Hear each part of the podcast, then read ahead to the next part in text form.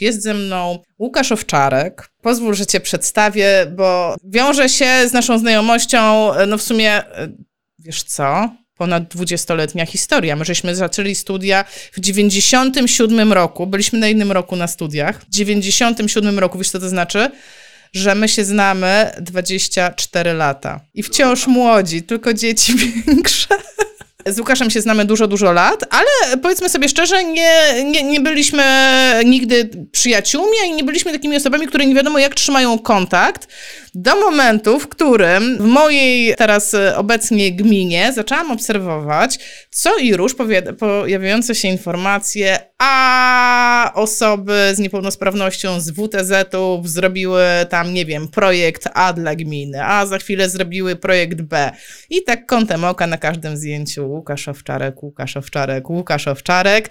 I co tutaj się okazało, że od tylu lat o czym nie miałam oczywiście pojęcia. Pracujesz z osobami z niepełnosprawnością intelektualną, jesteś kierownikiem WTZ-ów, czyli warsztatów terapii zajęciowej dla fundacji. Teraz muszę sobie sczytać, żebym nie zrobiła błędu. Katolickie Stowarzyszenie Niepełnosprawnych Archidiecezji Warszawskiej. Opiekujecie się 500 Toma, 5, 500 osób macie pod opieką, tak mi powiedziałeś. I dziękuję, że znalazłeś czas, bo wiem, że to jest wyzwanie, będąc prezesem takiej fundacji, takiego tak, stowarzyszenia. Dobry wieczór wszystkim. Tak, rzeczywiście jestem od wielu lat, pracuję z osobami z niepełnosprawnością intelektualną na terenie, na terenie naszej wspólnego powiatu piaseczyńskiego, tak? I tu rzeczywiście zaczynałem. W Piasecznie, a obecnie rzeczywiście nasz warsztat też ma swoje swoją siedzibę w Górze Kalwarii, tak? Więc cieszę się, że będę mógł troszkę opowiedzieć i o naszym stowarzyszeniu i o osobach z niepełnosprawnością intelektualną. Tak, wiesz, w ogóle to jest taki ciężki temat. Jak zapowiadałam ten live, to dostałam od razu wiadomości, o matko, Aśka, ale ciężki temat, ale, e, ale to jest najcięższa z niepełnosprawności. W ogóle, ale jak to ugryźć, jakie to jest trudne. I chciałam się ciebie podpytać, wiesz, żebyśmy tak jakby sobie nakreślili takie ramy, jak myślimy o osobach z niepełnosprawnością intelektualną, to o kim my myślimy? Kogo my mamy w ogóle na myśli? Ja miałem dobrych, dobrych nauczycieli, tak, bo to byli głównie rodzice osób z niepełnosprawnością i często jak mówię e, i myślę o, o, o, osobach z niepełnosprawnością, to musimy wiedzieć jedno, tak? To nie jest jedna jednostka chorobowa, to jest pewien stan, tak? I to jest jakby najważniejsze. Stan, który objawia się różną, różnym przebiegiem, różną e, taką e, etiologią i przyczynami. Na ogół przed, e, znaczy nie na ogół, tylko przed 18 roku życia one e, występują. E, to jakby wiemy, że możemy mówić tak bardzo fachowo, ale ja tak tylko dwa zdania, tak bardzo fachowo powiem, no jakby wiadomo, że z niepełnosprawnością intelektualną wiążą się pewne zaburzenia, pewne grupy zaburzeń, tak, ta niepełnosprawność intelektualna może wy, wyniknąć, tak. Najbardziej znana to ta grupa zaburzeń związana z mm, chorobami mm, genetycznymi, takimi jak zespół Downa, tak, gdzie bardzo dużo moich kolegów z pracy to są właśnie osoby z niepełnosprawnością intelektualną, o których będę dzisiaj dużo mówił, bo, bo myślę sobie, że jest to duża taka grupa bardzo Mm, osób, które y, no, bardzo dobrze funkcjonują w warsztatach i bardzo dużo mają fajnych umiejętności, warto o tym mówić. Ale to też jest grupa osób y, z mm, zaburzeniami neurologicznymi, tak, tak mózgowe porażenia dziecięce, epilepsja. To też są osoby, które, z którymi ja pracuję na co dzień, tak. Choroby mm, metaboliczne, tak jak fenyloketonuria, gdzie są też te osoby u nas gdzieś na zajęciach. E, ale też bardzo teraz taka grupa, e, o której bardzo dużo się mówi, czyli tak zwane całościowe zaburzenia rozwojowe, czyli osoby z autyzmem, tak? Też ta, to jest grupa osób, które znajduje u nas e, bardzo dużo, jest dużo osób z autyzmem i też trzeba wiedzieć, że tutaj też występuje w pewien sposób niepełnosprawność intelektualna. A więc jednym słowem, jeszcze mam taką ciekawą, zawsze moja nauczycielka mówiła, żeby pamiętać o tym, że Wszystkie osoby z niepełnosprawnością intelektualną różnią się pod względem możliwości umysłowych, to trzeba o tym pamiętać. Iloraz inteligencji też jest bardzo różny. Trochę tak jak u nas, tak? Jakby też, jak mówiłem, tak jak wszyscy inne osoby. Ale też różnią się pod względem emocjonalnym i pod względem wyglądu, tak? Więc jakby to, to jest bardzo trudna grupa do zdefiniowania, tak fachowo. I o tym trzeba, o tym trzeba wiedzieć. Kiedyś ktoś powiedział, że tą grupę można nazwać też inaczej. To są osoby, które mają problemy w uczeniu się, tak? Czyli jakby to też jest jedna z definicji. A, a wiesz co, czaj, tak się, tak się wtrącę, bo od razu mi przychodzi do głowy. Powiedz mi, jeśli ja teraz jakąś bzdurę będę plotła, że ten współczynnik inteligencji to jednak nie jest jedyna rzecz, która definiuje niepełnosprawność intelektualną. Dobrze tak, to rozumiem? Tak, że, to, że to nie jest, tak. że, że nie mogę powiedzieć, że mam niskie IQ, no bo, bo kiedyś pamiętasz w naszych czasach, w naszych czasach, jak my żeśmy się uczyli, to to było takie stricte połączone ze współczynnikiem IQ, tak? Że masz tam ileś, to jesteś taki, a masz tam ileś, to jesteś taki. No w tej chwili troszeczkę się chyba odchodzi, tak ogólnie odchodzi się od tego mierzenia IQ i nic poza tym, bo że tam wiele jest dużo, jest wiele innych czynników i teraz jest takie modne słowo neuroróżnorodność, tak? Że ja jestem inny, inny, ty jesteś inny, no każdy inny, każdy z nas ma jakieś deficyty, więc y, czy, czy tak byś to nazwał, że jest to jednak troszeczkę neuroróżnorodność?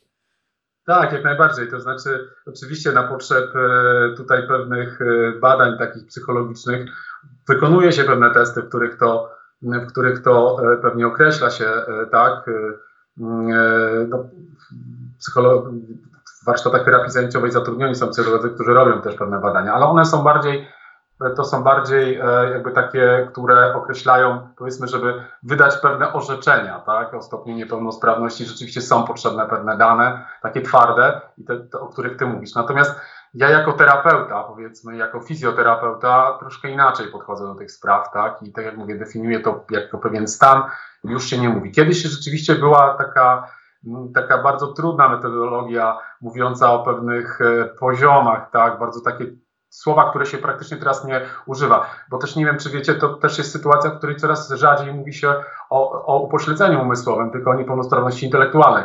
Nawet największa, jedna z naszych największych organizacji polskich zmieniła swoją nazwę, e, żeby być e, bardzo e, taka w porządku. I kiedyś nazywała się Polska Stowarzyszenie na Rzecz Osób z Upośledzeniem Umysłowym. Obecnie to jest organizacja największa w Polsce na rzecz niepełnosprawności intelektualnej osób pracująca.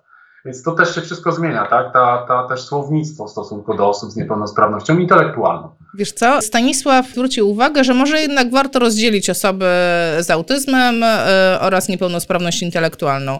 Mi się wydaje, że jedno nie wyklucza drugiego. Może być osoba z autyzmem i nie mieć niepełnosprawności intelektualnej, a może mieć, to, tak?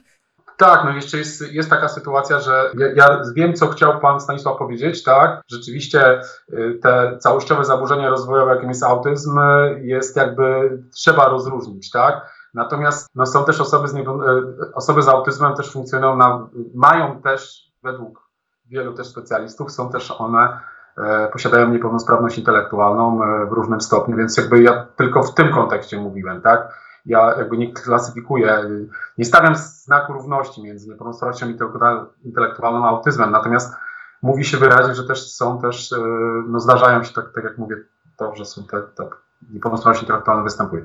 A choroby psychiczne też się w to włączają?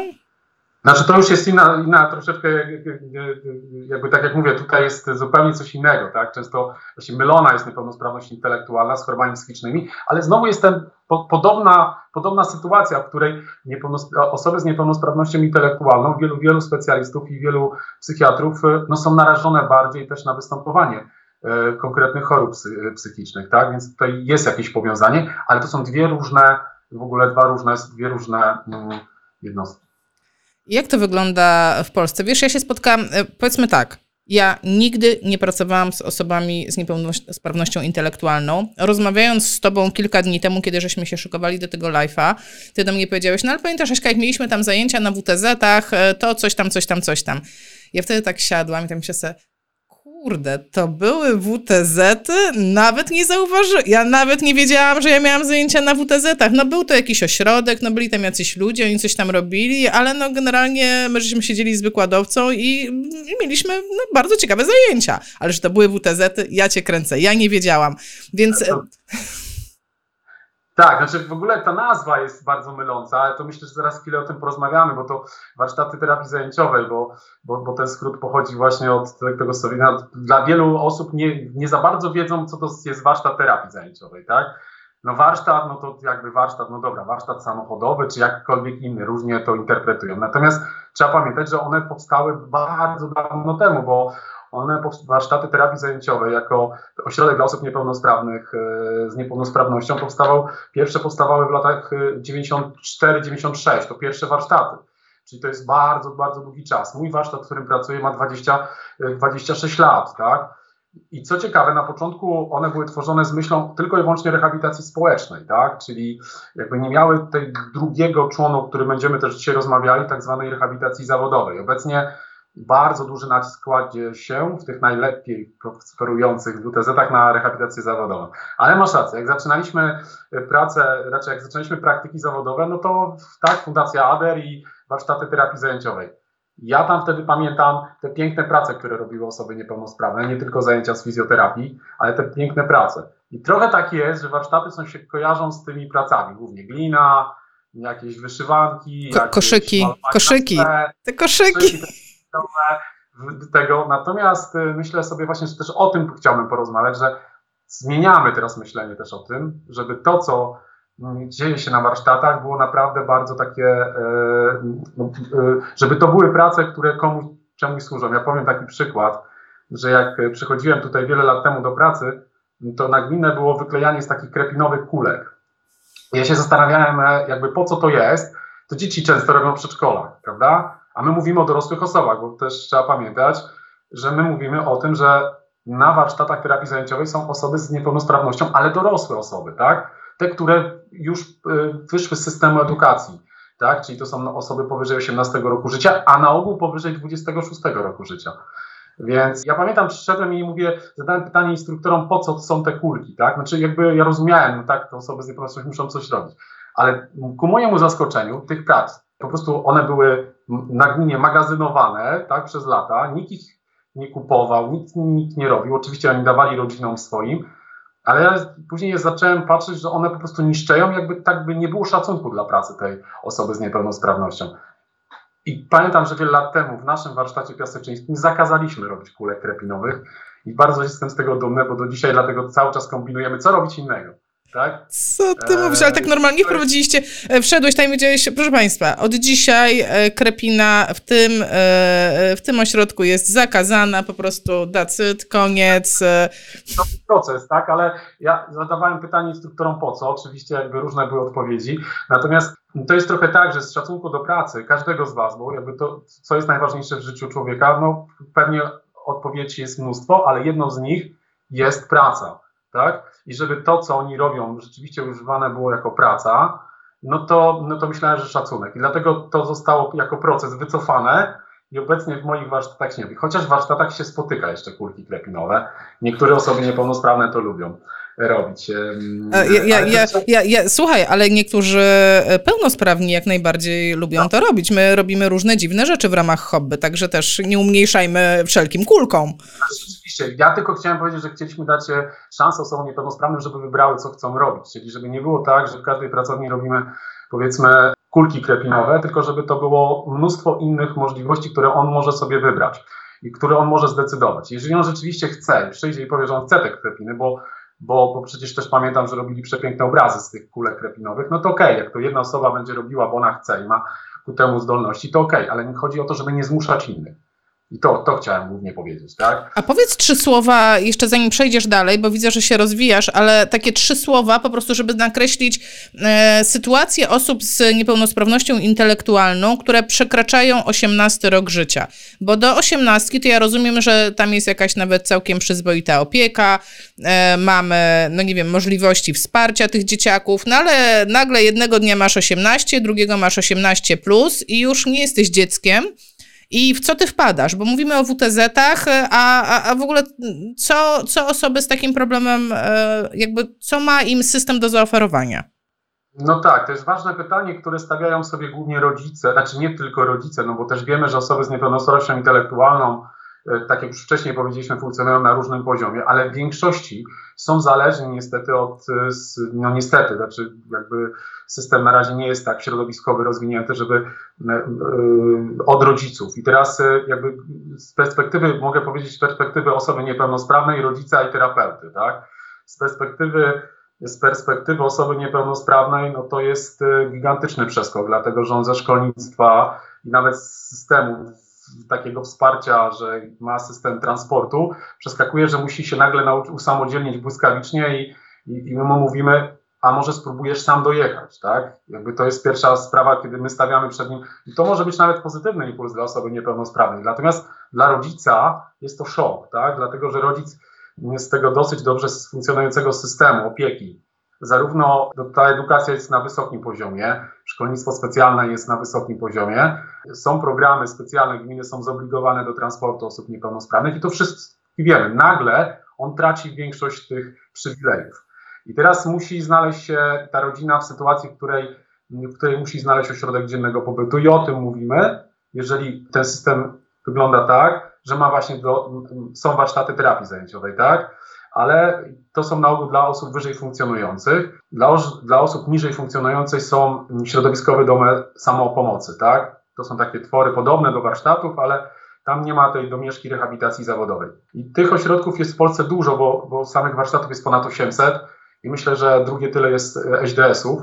Natomiast i, i, coraz więcej w Polsce jest sytuacji, że większość powiatów ma jeden i drugi obiekt, tak? Natomiast problem polega jeszcze na tym, że przy dużej niepełnosprawności, sprzężonej niepełnosprawności, te osoby na ogół znaczy mają trudność w funkcjonowaniu w, nawet w HDS-ie, dlatego że mm, tu chodzi o pieniądze, tak, jak w życiu. To znaczy w szkolnictwie specjalnym jest więcej terapeutów, więcej jest, są nauczyciele, są, jest więcej właśnie nawet y, specjalistów typu fizjoterapeuci.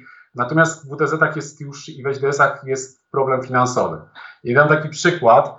My e, na terenie powiatu piaseczyńskiego mamy nowy ośrodek dla osób e, z niepełnosprawnością intelektualną, środowiskowy dom samopomocy. I on powstał na terenie szkoły specjalnej w Ubiskach Pęcherach. To jest taka duża szkoła na terenie powiatu piaseczyńskiego. I została na zaśrodki powiatu piaseczyńskiego zrobiona góra i e, my tam podnajmujemy dwie sale dla szkoły. I proszę sobie wyobrazić, że ten sama osoba z niepełnosprawnością, E, która ma powiedzmy 24 lata, 24 lata jest jeszcze w szkole, w tej ostatniej klasie, to subwencja światowa na taką osobę wynosi ponad 5 tysięcy, tak? Czyli to jest ta, ta, ta subwencja, która buduje terapię tej, tej osoby niepełnosprawnej. Ale w obok jest sala, moja sala środowiskowego domu samopomocy i tam już ta subwencja terapeutyczna wynosi 2000, tak? To jest taka, to jest taka różnica. Y, jakby no, ekonomii się nie da oszukać, tak? I wiadomo, że jest wtedy już no, mniejsza oferta i rodzice się dziwią, dlaczego w ośrodkach typu HDS y, czy WTZ nie ma pielęgniarki, nie ma, prawda, bo tam była, tak? Nie ma dwóch fizjoterapeutów, bo tam byli. Y, nie ma dwóch psychologów, bo tam byli, tak? Nie ma logopedy, bo tam byli, tak? Nie ma. I to jest właśnie problem systemu, że jest pewna zapaść która, e, która systemowo no, wymaga po prostu dużych pieniędzy finansowych. To się zmienia, ale nie na tyle szybko, żeby po prostu się udało tak szybko zmienić, tak? Wiesz co, z tego co mówisz, to kroi mi się taka wizja, że okej, okay, nie za bardzo są pieniądze, ta, ta, ta luka, w którą oni wpadają jest e, potężna, no bo to jest no, z pięciu na dwa, no to to jest bardzo duży przeskok, no ale tak jak na to patrzę, mówisz, że chcesz coś zmieniać i zmieniasz to, i ja to widzę, i ja to widzę w prasie, i masz efekty. E, czyli mam takie poczucie, że coś tam da się zrobić, że ty coś wymyśliłeś. To znaczy, to, to myślę, że wymyśliło wiele organizacji, bo, bo, bo czasami się zastanawialiśmy, czemu, e, bo my rozmawiamy, myślę, o, o rozwiązaniach systemowych. Ja, ja nie lubię bawić się w politykę, natomiast generalnie część organizacji, część rodziców mówi, że zostało trochę pozostawione samych sobie przez państwo, tak? I jest pytanie o rolę państwa, tak? To jest jakby trudne pytanie, mówiące o tym, czy to państwo ma opiekować się najsłabszymi, czy rzeczywiście część rzeczy zleca czy organizacjom pozarządowym, które tak jak my to robimy. No i rzeczywiście bardzo dużo naszej pracy, szacuje się, że nawet 30% naszych nakładów to jest praca wolontarystyczna naszych członków, tak? Czyli rodziców, osób z nami współpracujących, czyli E, z jednej strony jesteśmy organizacją pozarządową, która wykonuje działania za e, państwo, tak, a z drugiej strony jesteśmy lekko niedoinwestowani, trochę państwo na tym zyskuje, dlatego że ta praca wolontarystyczna daje te 30%. Teraz te 30% właśnie no, powoduje, że, znaczy tego zaangażowania powoduje, że nie ma jeszcze może aż takiej katastrofy, jakby wyglądało te, te wskaźniki ekonomiczne, tak? No i jeszcze jedna rzecz, warto, tak? To znaczy warto cały czas się starać i być jakby jakby nie poddawać się tym, że jest trudno, tylko po prostu szukać jakichś tam rozwiązań. Stąd śleta, cieszę się, że to śledzisz, to znaczy, że, że warto jakby y, współpracować i, i na przykład Góra Kalwaria jest pięknym przykładem, kiedy to y, przy współpracy z burmistrzem jakby rozwijamy cały czas, tak? Między innymi ostatnie podpisanie takiego kontraktu na opiekę nad takim terenem zielonym, to jest ogród miejski w Górze Kalwarii, no dla nas ogromna satysfakcja. Osoby niepełnosprawne będą widoczne, będą miały konkretne zadanie, będą się opiekowały ogrodem, a burmistrz jest w siódmym niebie, pan Arkadiusz Szyrzewski, dlatego że jakby ten teren będzie zaopiekowany, tak? Więc wszyscy mają ogólne korzyści, więc my idziemy w tą drogę, tak? Czyli nie płaczemy, tylko staramy się szukać no, takich przestrzeni, w których możemy, y, może, możemy po prostu być użyteczni jako osoby niepełnosprawne. Rewelacja, ale muszę o to zapytać, y, no bo w ogóle ja właśnie po tym poście po prostu miałam takie olśnienie, nie, trzeba o tym powiedzieć. Świat musi się dowiedzieć o tym, że takie inicjatywy w ogóle powstają, że to jest w ogóle możliwe, bo być może ta rozmowa będzie inspiracją dla kogoś, kto pracuje w WTZ-ach i czasami wiesz, no wystarczy iskra, żeby powstał płomień, ale no muszę cię o to zapytać, y, jak to jest, tak? Jak, jak wygląda od środka taki proces? Załóżmy, że ty Łukasz Owczarek, mam pomysł. Byśmy sobie zaopiekowali się, nie wiem, skwerkiem w Górze Kalwarii. Burmistrz hmm. mówi, super, to będzie tanio i dobrze. Ty sobie myślisz, super, to będzie ekstra rehabilitacja tam, nie wiem, społeczno-zawodowa. I teraz pytanie, czy te osoby, które mają to robić, to y, chcą tego? Jakby, jak wygląda ten proces, no od środka, tak? Czy wchodzisz i mówisz, ty, ty i ty, jutro jedziemy na skwerek? No nie, znaczy jakby też trzeba też pamiętać, że osoby z niepełnosprawnością intelektualną e, są bardzo dobrymi pracownikami, ale w pewnych takich przestrzeniach, e, które one uwielbiają. Jedną z tej przestrzeni, której oni się kapitalnie sprawdzają, to jest właśnie mm, wszystko, co związane z przyrodą i z jakby taką opieką nad pewnymi rzeczami. Oni te ogrody po prostu lubią. My, my te ogrody od dłuższego czasu się nimi opiekowaliśmy, ale nieformalnie. Teraz tam zostały pięknie wyremontowane, więc mamy teraz jakby tam większe większe, y, większe możliwości. Natomiast oni to lubią, tak? Bo po pierwsze wychodzą na zewnątrz, po drugie mają bardzo fajne, y, fajną pracę, która jest widoczna, tak? Bo to jest koszenie trawy, to jest pielenie, to jest utrzymanie porządku takiego czystościowego wokół tego terenu. No ale to też są też śmieszne historie, bo, bo też my się uczymy, tak? Na przykład jak, jak to, co wszystkich w ogrodach teraz tam zabija bukszpan i nam ten bukszpan został uszkodzony. No Ćma bukszpanowa, ćma tak bukszpanowa. Znam, znam tę historię. Tak, tak, no i teraz jakby też to trzeba wyciąć i zrobić. I, i, ale po pierwsze oni wychodzą z czterech ścian, tak? I kiedyś dawno, dawno temu czytałem taki wywiad w Newsweeku mm, generała Czempińskiego. On ma Piotra, y, syna Piotra, to jest mężczyzna ze zespołem Downa. No i on zapytany właśnie o, o, pomoc, znaczy jak w ogóle tam on opowiada o niepełnosprawności swojego syna, o relacjach w rodzinie. Mówi, że kiedyś trafił na warsztaty terapii zajęciowej i jego przygnębiły te warsztaty. Ja pamiętam, bo ja mam ten wyk tego, bo one są często te warsztaty zaniedbane. Już do, teraz powiem do czego dążę. Dlatego, że one są niedoinwestowane gigantyczne. A wyjście, to co my robimy na przykład w Górze Kalwarii, dzięki pomocy też gminy i powiatu, wyjście powoduje, że oni z tych czterech ścian trochę niedoinwestowanych wychodzą w przestrzeń, w przestrzeń, której mogą naprawdę odetchnąć, tak? Ale też są widoczni, bo to jest istotne, tak? E, odpowiadając, oni bardzo chcą być widoczni i być potrzebni, tak? To nie jest tak, że ja sobie to wymyśliłem. E, to musi zatem iść, że oni chcą, to po pierwsze, a po drugie też trzeba przekonać instruktorów, którzy, trzeba pamiętać, oni pomagają osobom z niepełnosprawnością, tak? To nie jest tak, że osoba z niepełnosprawnością e, po prostu, bo są różne poziom tego, tej niepełnosprawności, no mają tych trenerów, tak, którzy ten, więc to jest też przekonanie kadry. To jest mhm. bardzo istotne. A kto płaci? No, y, ja od niedawna y, interesuję się swoim własnym ogrodem i wiem, ile kasy to pochłania. Nie wiem, nie wiem, kupienie kory, kosiarki, a może kosiarka na prąd, a może nie na prąd i wiesz, i siedzisz i liczysz, e, kto za to płaci? Stowarzyszenie, e, gmina, państwo, nie wiem, może macie sponsorów, jak to jest? to jest trochę tak, że, że trzeba mieć zawsze y, jakby, yy, znaczy jak, jak jest dobra współpraca, to, to, to, to też to można rozwiązać. To jest tak, że część jest wkładu naszego oczywiście, E, na przykład sprzętowego, to my jako stowarzyszenie kupujemy sprzęt, który będzie konieczny do obsługi tego, tego terenu, ale takie rzeczy, o których Ty mówiłaś, czyli, czyli nasadzenia nowe, kora i inne elementy, będą po stronie gminy, czyli tych, tych, tych jednostek e, odpowiedzialnych w gminie Góra Kalwaria za utrzymanie tego terenu. Czyli to jest obopólna współpraca, tak? Jeżeli będą procesy na tym terenie tego ogrodu, którego nie będziemy mogli sobie poradzić, bo mogą takie się pojawić, no to mamy też obiecane, że będą nas wspierać jednostki organizacyjne, tak? Ale formalnie ten ogród będzie pod naszą opieką, czyli już jest pełna odpowiedzialność za ten ogród na nas, tak? Będzie spoczywała. Czyli to jest jakby różne, to, to są różne środki finansowe, tak? Pochodzące i z gminy, i od nas ze stowarzyszenia.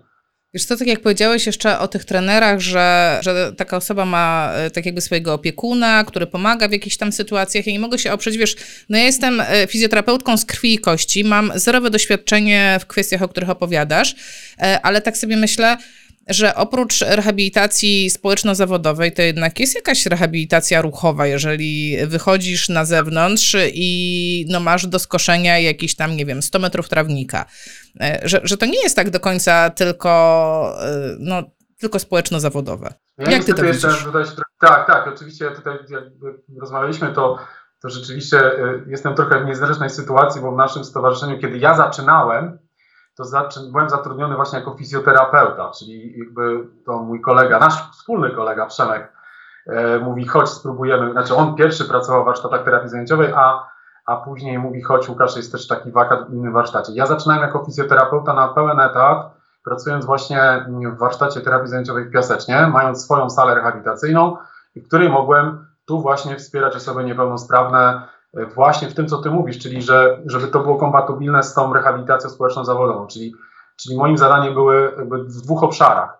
I tutaj jest, właśnie ten jeden obszar jest Wam znany wszystkim fizjoterapeutom, czyli to są tak zwane zajęcia te indywidualne, powiedzmy, które wymagają od kon konkretnego planu. Na przykład mamy osobę, która, która y, tak, z mózgowym porażeniem dziecięcym i mamy pewne, pewien schemat pracy indywidualnej z tą osobą. Ale w warsztacie, oprócz tej indywidualnej pracy, dochodzi ten element też bardzo lubiany przez uczestników, tak zwane, oni się w warsztatach to się mówi takie ogólnokondycyjne, tak? Czyli dużo takich działań związanych właśnie z podwyższeniem y, tego stanu fizycznego uczestnika, ogólno, y, takiej ogólnej kondycji uczestnika. No i dużo jest też elementów tak zwanego sportu osób niepełnosprawnych. I tutaj fizjoterapeuta ma pewien, po, pełne pole działania. Ja na przykład e, z uczestnikami z niepełnosprawnością założyliśmy pięknie brzmiącą sekcję olimpiad specjalnych Polska Waleczna na Anioły, e, tak, gdzie jeździliśmy na zawody w tenisie stołowym i tak zwany unihockey, taki ten, taka forma hokeja halowego. Zresztą mieliśmy na studiach tak, pamiętam, tak. Zaliczenie, zaliczenie, wcale nie najłatwiejsze z tego, matko, ale mi przypominasz rzeczy. Tak. Fizjoterapeuta ma duży wachlarz możliwości pracy. E, to zależy tylko od niego. Jedyna różnica, że na ogół fizjoterapeuta w takich warsztatach jest sam, czyli nie ma zespołu fizjoterapeutów, tylko jest sam, tak? czyli jest to indywidualne stanowisko. No i trochę, dużo zależy też od podejścia fizjoterapeuta-kierownik. Jeżeli kierownik jest e, no, taki, który daje możliwości rozwoju, to fizjoterapeuta naprawdę tutaj ma duże pole do popisu, tak? E, w takim warsztacie.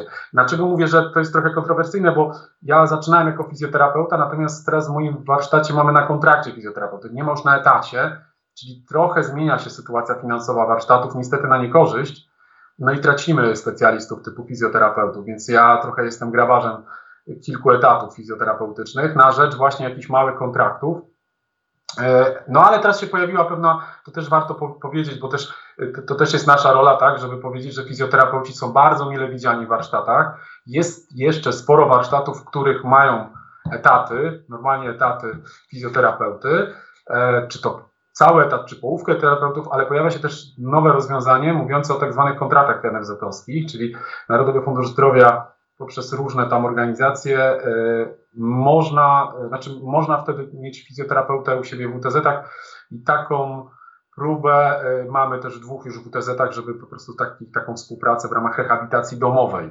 zawiązać. Nie wiem, czy ci teraz nie dołożę po prostu obowiązków, no ale taka jest troszeczkę proza występowania w live'ach.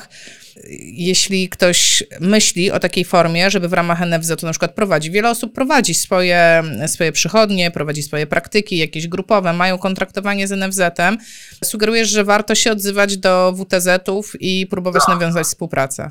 No, jeszcze powiem tak, może nie jesteśmy konkurencyjni mocno na rynku y, usług fizjoterapeutycznych, ale jest jeden element, który no też tu mnie poprawisz, jesteś mocniejsza w tej kwestii, natomiast y, większość fizjoterapeutów, nie większość, ale duża część nie ma swojej działalności gospodarczej, a niektórzy chcieliby mieć, szczególnie w okresie pandemii, chcieliby mieć e, umowy stałe, tak? I teraz my mamy, no, jest jeszcze wiele warsztatów, które jakby umożliwia to, tą umowę o pracę, tak? Na, więc to też jakaś taka forma jest bardziej stabilnej, tak? Więc to też warto o tym czasami się odzywać po prostu do warsztatów i, i, i funkcjonować.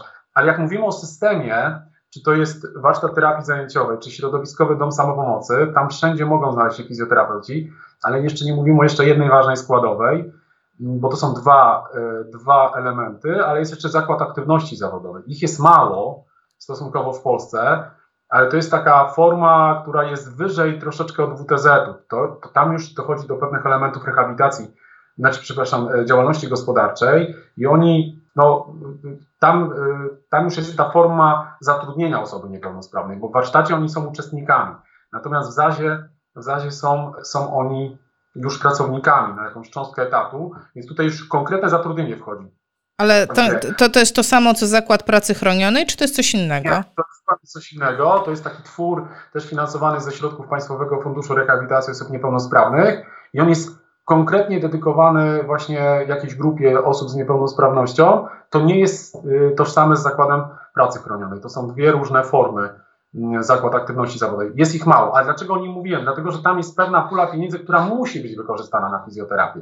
Czyli to, co oni zarobią, muszą przeznaczyć na fizjoterapię, tak, na swoich pracowników. To jest bardzo fajne. Więc ci, te zakłady aktywności zawodowej, chociaż jest ich mało, mają na ogół bardzo dobrze wyposażone e, sale rehabilitacyjne, naprawdę takie, które by się poszczyciły nie, nie jedna poradnia. Warto o tym pamiętać, jak rozmawiamy o fizjoterapii w takich miejscach dla osób z niepełnosprawnością intelektualną też. Wiesz co, ja sobie tutaj zapisałam z boku, żeby cię zapytać a propos WTZ-ów, w ogóle e, tego rodzaju pracy, co jest najtrudniejsze, ale ja muszę zmienić to pytanie, bo ty mówisz, z tego co mówisz, to mam takie, mam takie poczucie, że to nie jest tak, że to jest tak strasznie trudne, i że tak naprawdę trzeba się otworzyć na to i można się mile zaskoczyć, jak tam jest fajnie. I e, nie, żeby to był mój własny wymysł, chociaż trochę jest też, ale tutaj kilka osób na czacie napisało, że no najlepsza praca pod słońcem. Anna pisze, pracując z osobami przewlekle psychicznie chorymi w DPS. A, to y, prośba o porady, to za chwilę e, ale tutaj osoby pisały, że no serce rośnie, jak o tym mówisz. Dorota napisała, najwspanialsza praca ever. Mm. Więc, więc no tak, czyli jesteś sam, możesz się rozwijać, być może masz e, wyzwania przed sobą, bo e, przynajmniej uderzmy się w pierś, że na naszych studiach to nam dużo nie powiedziano, co my mamy robić, kiedy zetkniemy się z osobą z niepełnosprawnością intelektualną. Ja mogę wiedzieć, nie wiem, co zrobić w MPD, jak jest przykurcz, tak? To, to, to, to jest to, co ja wiem. Ale i to też nie do końca, umówmy się. Ale, ale jak już tutaj wchodzi niepełnosprawność intelektualna, to ja cię kręcę. W ogóle, jak to ugryźć? Tak, to paradoksalnie mogą, może mieć dwie, dwie strony medalu. Pierwsza strona to oczywiście trochę tej niewiedzy, która która człowiek się zastanawia właśnie, co robić, ale z drugiej strony otwiera ci bardzo dużo możliwości. Ja tam taki przykład, że jako fizjoterapeuta długo się zastanawiałem właśnie, co robić, tak? Jak, jak pracować z osobami niepełnosprawnymi. Wtedy zaczęliśmy myśleć właśnie, że nie ma ograniczeń i ja pamiętam, że zaczęliśmy jeździć, e, e, znaczy dla mnie praca fizjoterapeuty nie kończyła się tylko w tym ośrodku, w którym warsztacie terapii zajęciowej, ale zaczęliśmy, kierownik nam dał zielone światło na to, żebyśmy na przykład próbowali z niepełnosprawnymi osobami e, robić inne aktywności. Inne aktywności, co przez to rozumiem. Ja e, bardzo lubię piłkę nożną, tak, przez wiele lat i mówię tak, słuchajcie, czy ktoś z Was był kiedyś na, na, na zawodach, prawdziwych zawodach piłkarskich na meczu Legii Warszawa? No i tam oczywiście oni wszyscy lubią, ale nikt nie był. I my wiele lat temu Pierwszy raz pojechaliśmy, dostaliśmy zaproszenie od Legii Warszawa na to, żeby wprowadzać piłkarzy, żeby pojechać na ten mecz. No i teraz y, ja Ci mówiłem, że ja, ja jestem bardzo pod ogromnym wrażeniem, bo mam swojego kolegę z Michała ze zespołem Downa, z którym wiele lat pracujemy wspólnie w Piasecznie, który ma tam stopień generalski chyba wśród tych kibiców, ma swoje stałe miejsce, zaraziłem go tym sportem, e, tą piłką nożną, e, jest tak wkręcony ze swoim ojcem kapitalnym w tą właśnie całą otoczkę, jaka jest związana ze sportem, z piłką nożną. E, I to zaczynaliśmy też, ja zaczynałem go wkręcać, jak byłem fizjoterapeutą. Jest tak zakręcony, że jakby ma wszystkie medale tam, nawet mu ostatnio trener Legii Wukowicz przekazał medal, zdjął z szyi, jak był trenerem Legii Warszawa, zdjął ten mu zawiesił na szyi, więc on ma koszulki legionistów, tak, ale jest na każdym meczu, tak, na każdym meczu Legii. Więc jakby ta praca fizjoterapeuty jest tak bardzo jakby otwarta, tak? Możesz bardzo dużo fajnych rzeczy naprawdę zrobić w tych warsztatach i, i ja się cieszę z tego, że no tak jak ktoś tam napisał, tak? Yy, to jest dobre miejsce, bo ono jest takie trochę jeszcze dziewicze, że można naprawdę dużo fajnych rzeczy zrobić, tylko trzeba na dobry zespół trafić, tak? Dobrych ludzi. Yy, no ja miałem to szczęście, że trafiłem, więc dali mi możliwość różnych działań. A tak jeszcze podrążę te kwestie pracy, bo wiem, że ty kładziesz bardzo duży nacisk na to, żeby to, co generalnie robią osoby z niepełnosprawnością, żeby to miało sens żeby to pozostawiało jakiś ślad, najlepiej jakiś ślad w społeczeństwie. Ja mogę, czyli na chwilę nas przesłonię e, i pokażę, o, to, to było pierwsze, nie, e, akurat tutaj kartki pokazałam, e, ale teraz pokażę budki dla jeżyków. To była chyba pierwsza rzecz, którą ja wypatrzyłam na Facebooku, te budki dla jeżyków i cały projekt, że teraz w Górze Kalwarii są budki dla jeżyków zrobione przez osoby z niepełnosprawnością.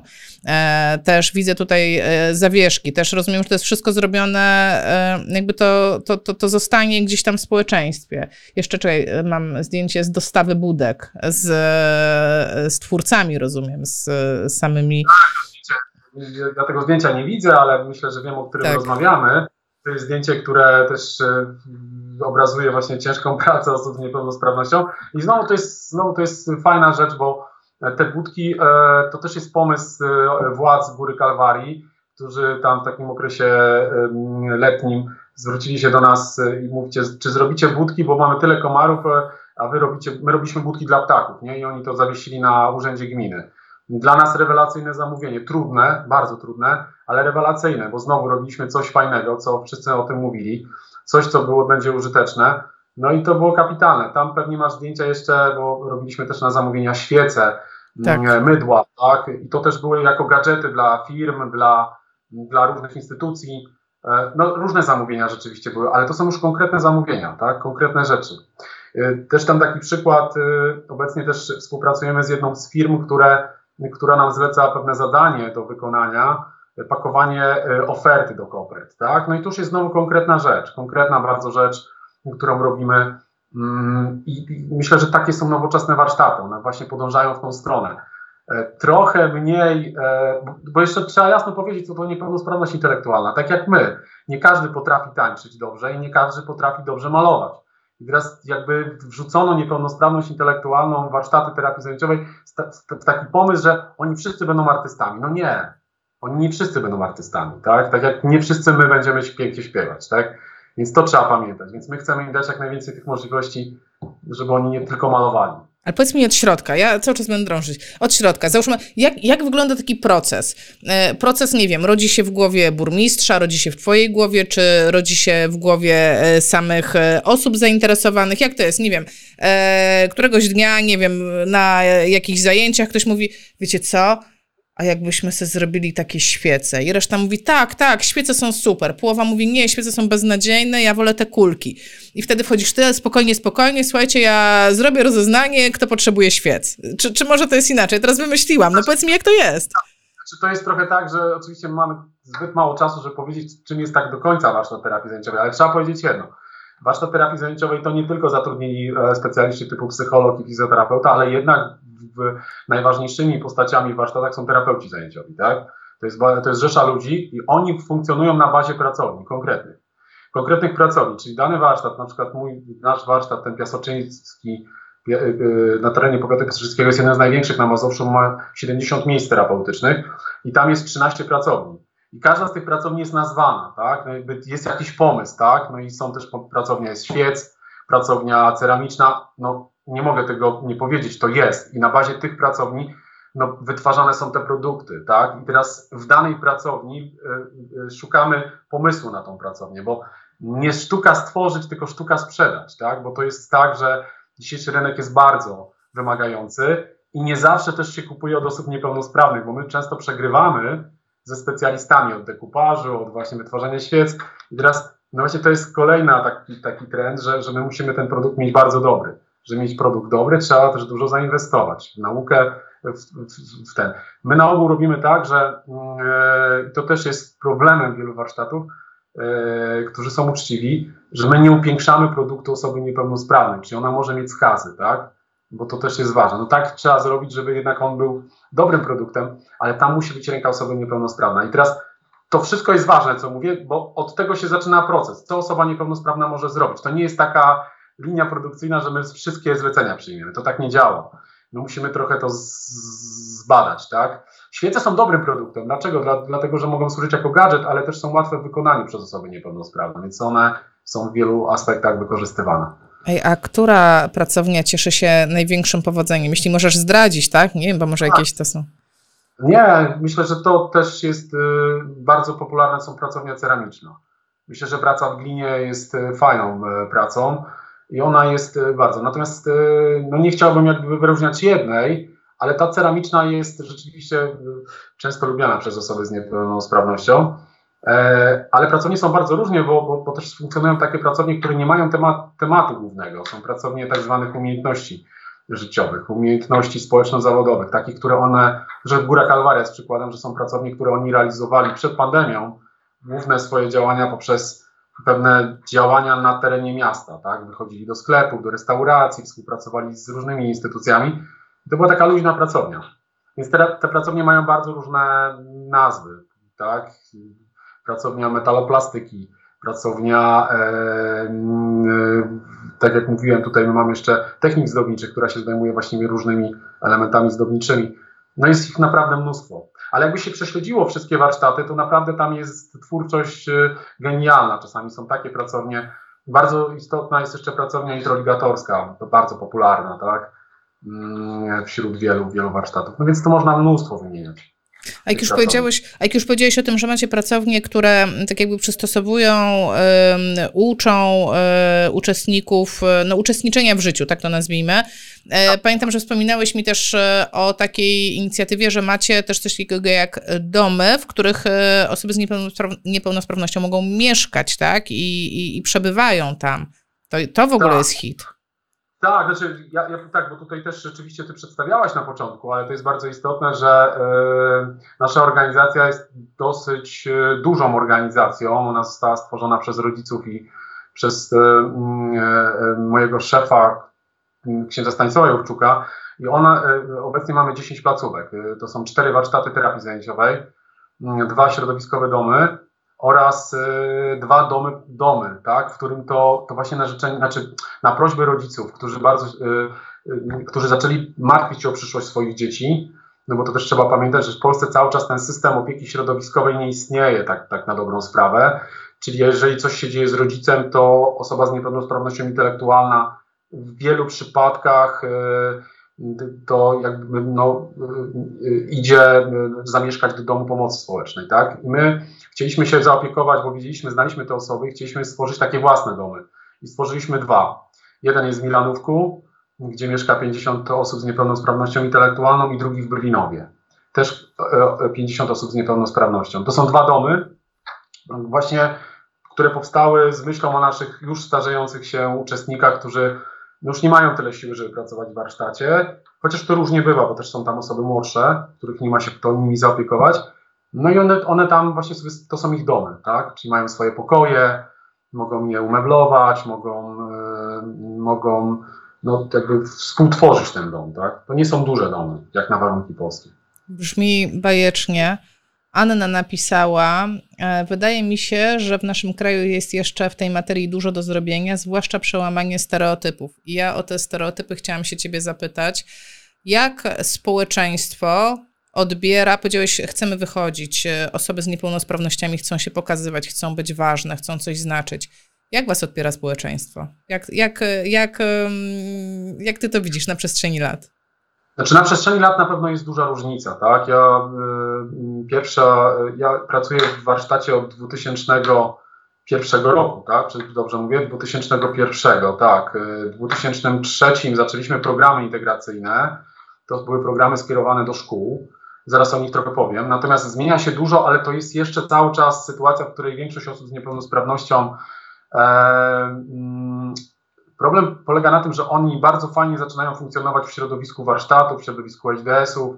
E, natomiast pytanie jest, czy jest oferta, i tutaj jakby każdy z nas słuchających może sprawdzić, czy jest oferta w domach kultury danej gminy dla osób z niepełnosprawnością. Co robią osoby z niepełnosprawnością, kiedy wracają po, po pracy w WTZ-ach, HDS-ach czy w ZAZ-ach do domu? Bo my wszyscy sobie tą pracę, z jaką zorganizujemy, mamy ofertę. To jest pytanie.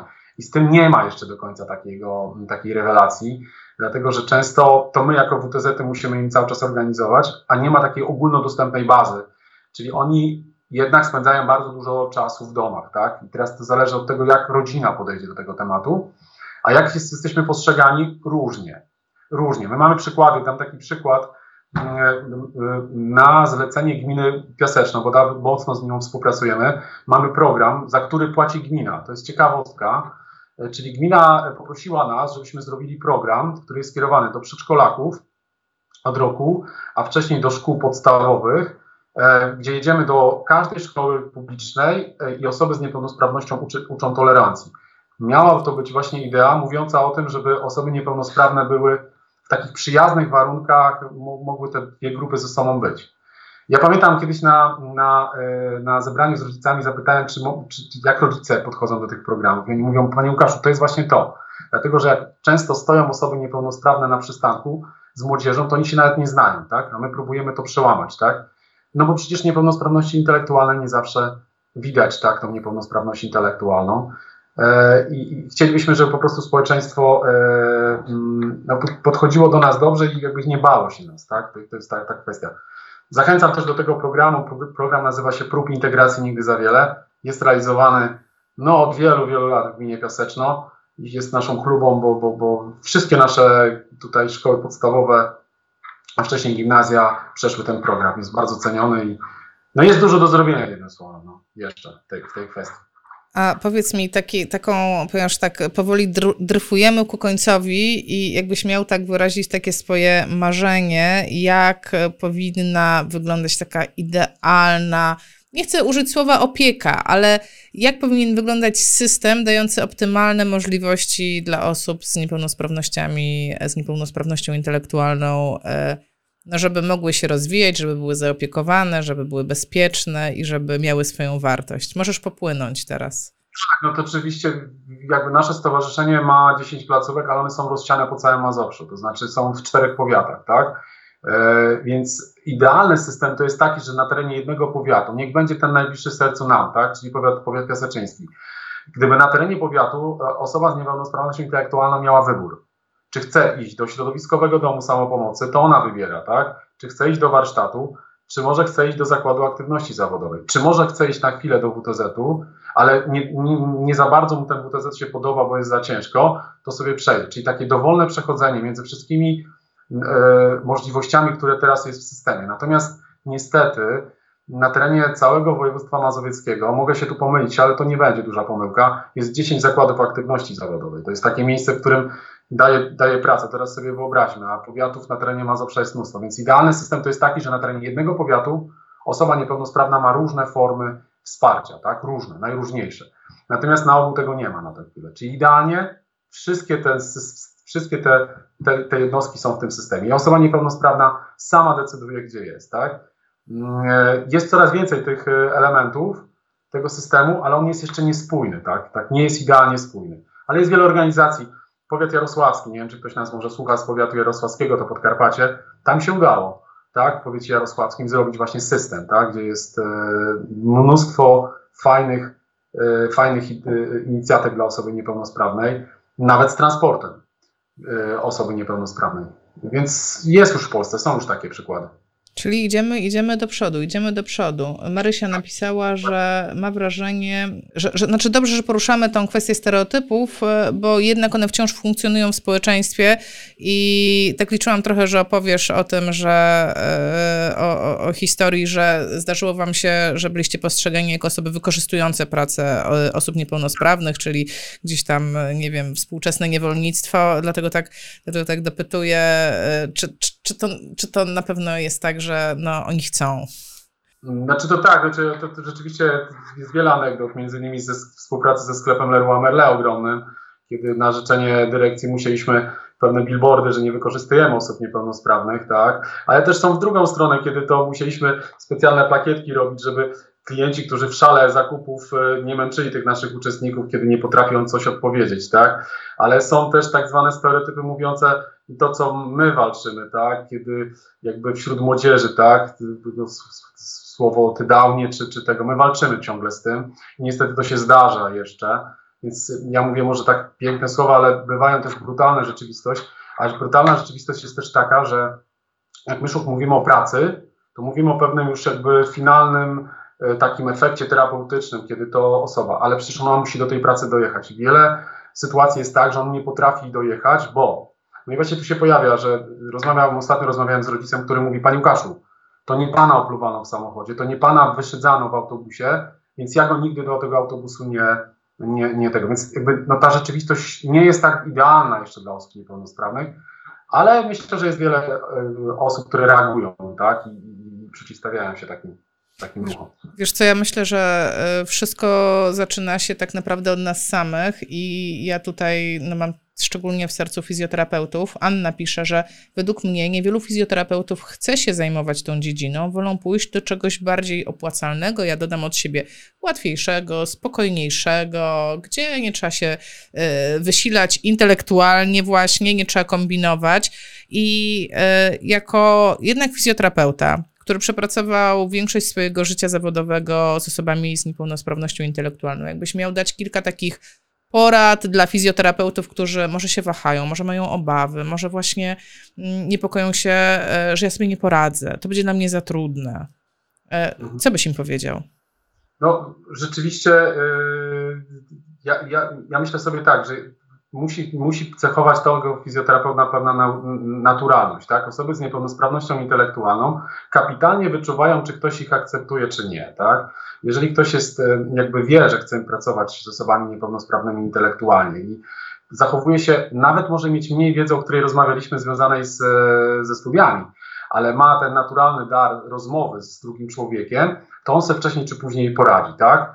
E, I tak jak mówię, niepełnosprawni to wyczuwają, tak? Więc ja jestem naturalny w stosunku do nich, czyli to jest bardzo istotne, tak, żeby jakby nie patrzeć z punktu widzenia, często infantylizuje się osobę niepełnosprawną, ja do nich mówię jak do partnerów, tak, jeżeli oni chcą do mnie mówić e, per pan, no to mówią per pan, nie zdrabniam ich imion, tak, mimo tego, że nagminnie to się robi, ale oni wtedy czują pewne, czują pewien taki, że są e, e, ważni i jakby na ogół mówię do nich bardzo konkretnie, nie nad ich głowami, kieruję do nich pewne, pewne rzeczy. No tak, trzeba też zdawać sobie sprawę z tego, że nie będzie takich e, spektakularnych sukcesów terapeutycznych jak w ortopedii, ale dla nich też jest istotne zachować pewien status, tak? I to jest dla nas ważne, żeby ten ich, ta ich stan był taki stabilny, tak? I, I często tutaj rzeczywiście ta stabilność jest istotna. Nie ma spektakularnych sukcesów związanych z terapią, ale też warto też pamiętać, że dla nich każde taka, takie zajęcia z fizjoterapeutą jest dla nich ważne, bo oni wtedy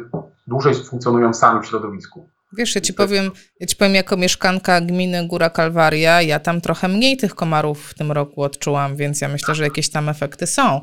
Ale wiesz co, jeszcze przeczytam e, pytanie. Tomek e, napisał taką ciekawą rzecz. Wpadł mi do głowy pewien pomysł. Chciałbym zorganizować warsztaty z masażem dla osób niepełnosprawnych intelektualnie. Czy takie coś miałoby prawo bytu? W ogóle to jest e, możliwe? Jak to widzisz? No myślę, że tak. To nawet kiedyś chyba mieliśmy jakąś pewną próbę y, pewnych zajęć, tak? No, pandemia trochę nam to wszystko skomplikowała, bo y, my jesteśmy otwarci na różne pomysły, ale trzeba też pamiętać, w jakim jesteśmy czasokresie, tak? Czasokresie, kiedy warsztaty były w bardzo długi czas zamknięte. One dopiero wchodzą do normalności. I zapraszam, jak gdyby za chwilę, kiedy mam nadzieję, to się wszystko uspokoi. Teraz czekamy pewnie wszyscy, co, co się zadzieje z tą czwartą falą to nie są dobre sytuacje, w którym na razie robimy takie warsztaty. Warsztaty na ogół są, mówię o warsztatach, one są troszkę jeszcze zamknięte na pewne, na pewne aktywności, ale ja nie wykluczam. To jest, to jest pomysł myślę, że warty rozważenia, jak najbardziej. Słuchaj, ja wiem, że tutaj jakby mówisz w swoim imieniu jako e, kierownik e, tutaj tego piaseczyńskiego regionu, no ale zakładam, że słucha nas cała Polska, Jarosławiec zresztą też, bo mam takie informacje na czacie. Czy to jest dobry pomysł, jak ktoś nas słucha i tak myślę, kurczę, zrobiłbym tam, nie wiem, inicjatywę X z WTZ-ami, to by po prostu mogło być mega, to żeby zacząć dręczyć mailowo na przykład kierowników WTZ-ów? Że na przykład jutro wiesz, znajdziesz tam na mailu, panie Łukaszu, wysłuchałem live'a i mam propozycję X. To, to jest w ogóle fajny pomysł? To jakby ma to w ogóle szansę zadziałać? Tak, oczywiście. My gorąco zapraszamy do tej współpracy na, na szczeblu nawet tym, co wcześniej rozmawialiśmy, czyli żeby szukać, bo my szukamy też osób do współpracy fizjoterapeutów na, na, na, na, na, do zajęć, tak, ale też do wszystkie inicjatywy jesteśmy chętni i na pewno się do nich przychylimy, będziemy rozmawiali. Warsztaty to są takie też miejsca, w których no, muszą szukać tej współpracy, bo oni są troszkę zapomnieni, więc każda taki głos, że wymyśliłem coś, jest dla nas ważny, tak? Bo tak jak na początku mówiłaś, trochę temat zapomniany, no bo jest takim tematem niszowym, tak? I, i, i myślę, że trzeba walczyć z kierownikami, a jest wielu bardzo fajnych kierowników, to tam na pewno mm, pomoże. Proszę, mój serdeczny kolega Żan pisze, ludzie niepełnosprawni ważą wspaniałe piwa, browar spółdzielczy. Dlaczego nie mieliby dobrze masować? Nie no, tutaj się zgadzamy w pełni, tak? Tak, tak.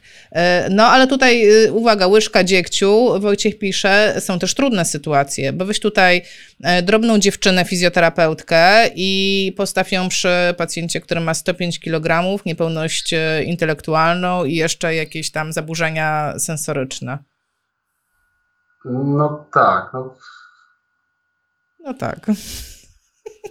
No tak, no tak, no, no ale to jest, wiesz, no proza życia, takie trudności. E, tak podsumowując nasze spotkanie, e, nie muszę w ogóle się męczyć, bo piszecie i wystarczy, że przeczytam. Anna pisze.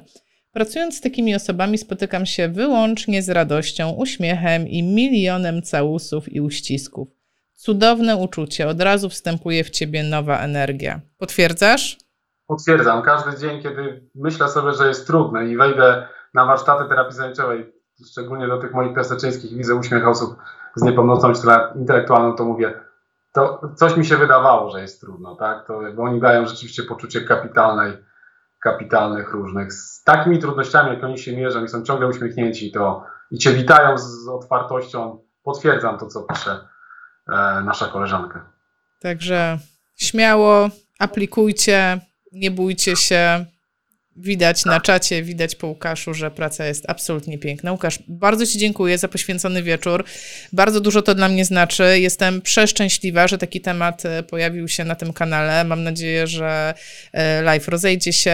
Rozsyłajcie go, podsyłajcie go osobom, które mogą być zainteresowane na przykład tego typu współpracą, o jakiej mówiliśmy. E, albo no, rzesze studentów za chwilę będą na rynku, tak? Ja myślę, że to jest też fajny, fajny sposób, żeby rozpocząć swoją pracę zawodową i naprawdę dużo się nauczyć i wyspecjalizować w czymś, w czym nie ma bardzo dużo specjalistów, powiedzmy to jeszcze. Więc tutaj taka nisza.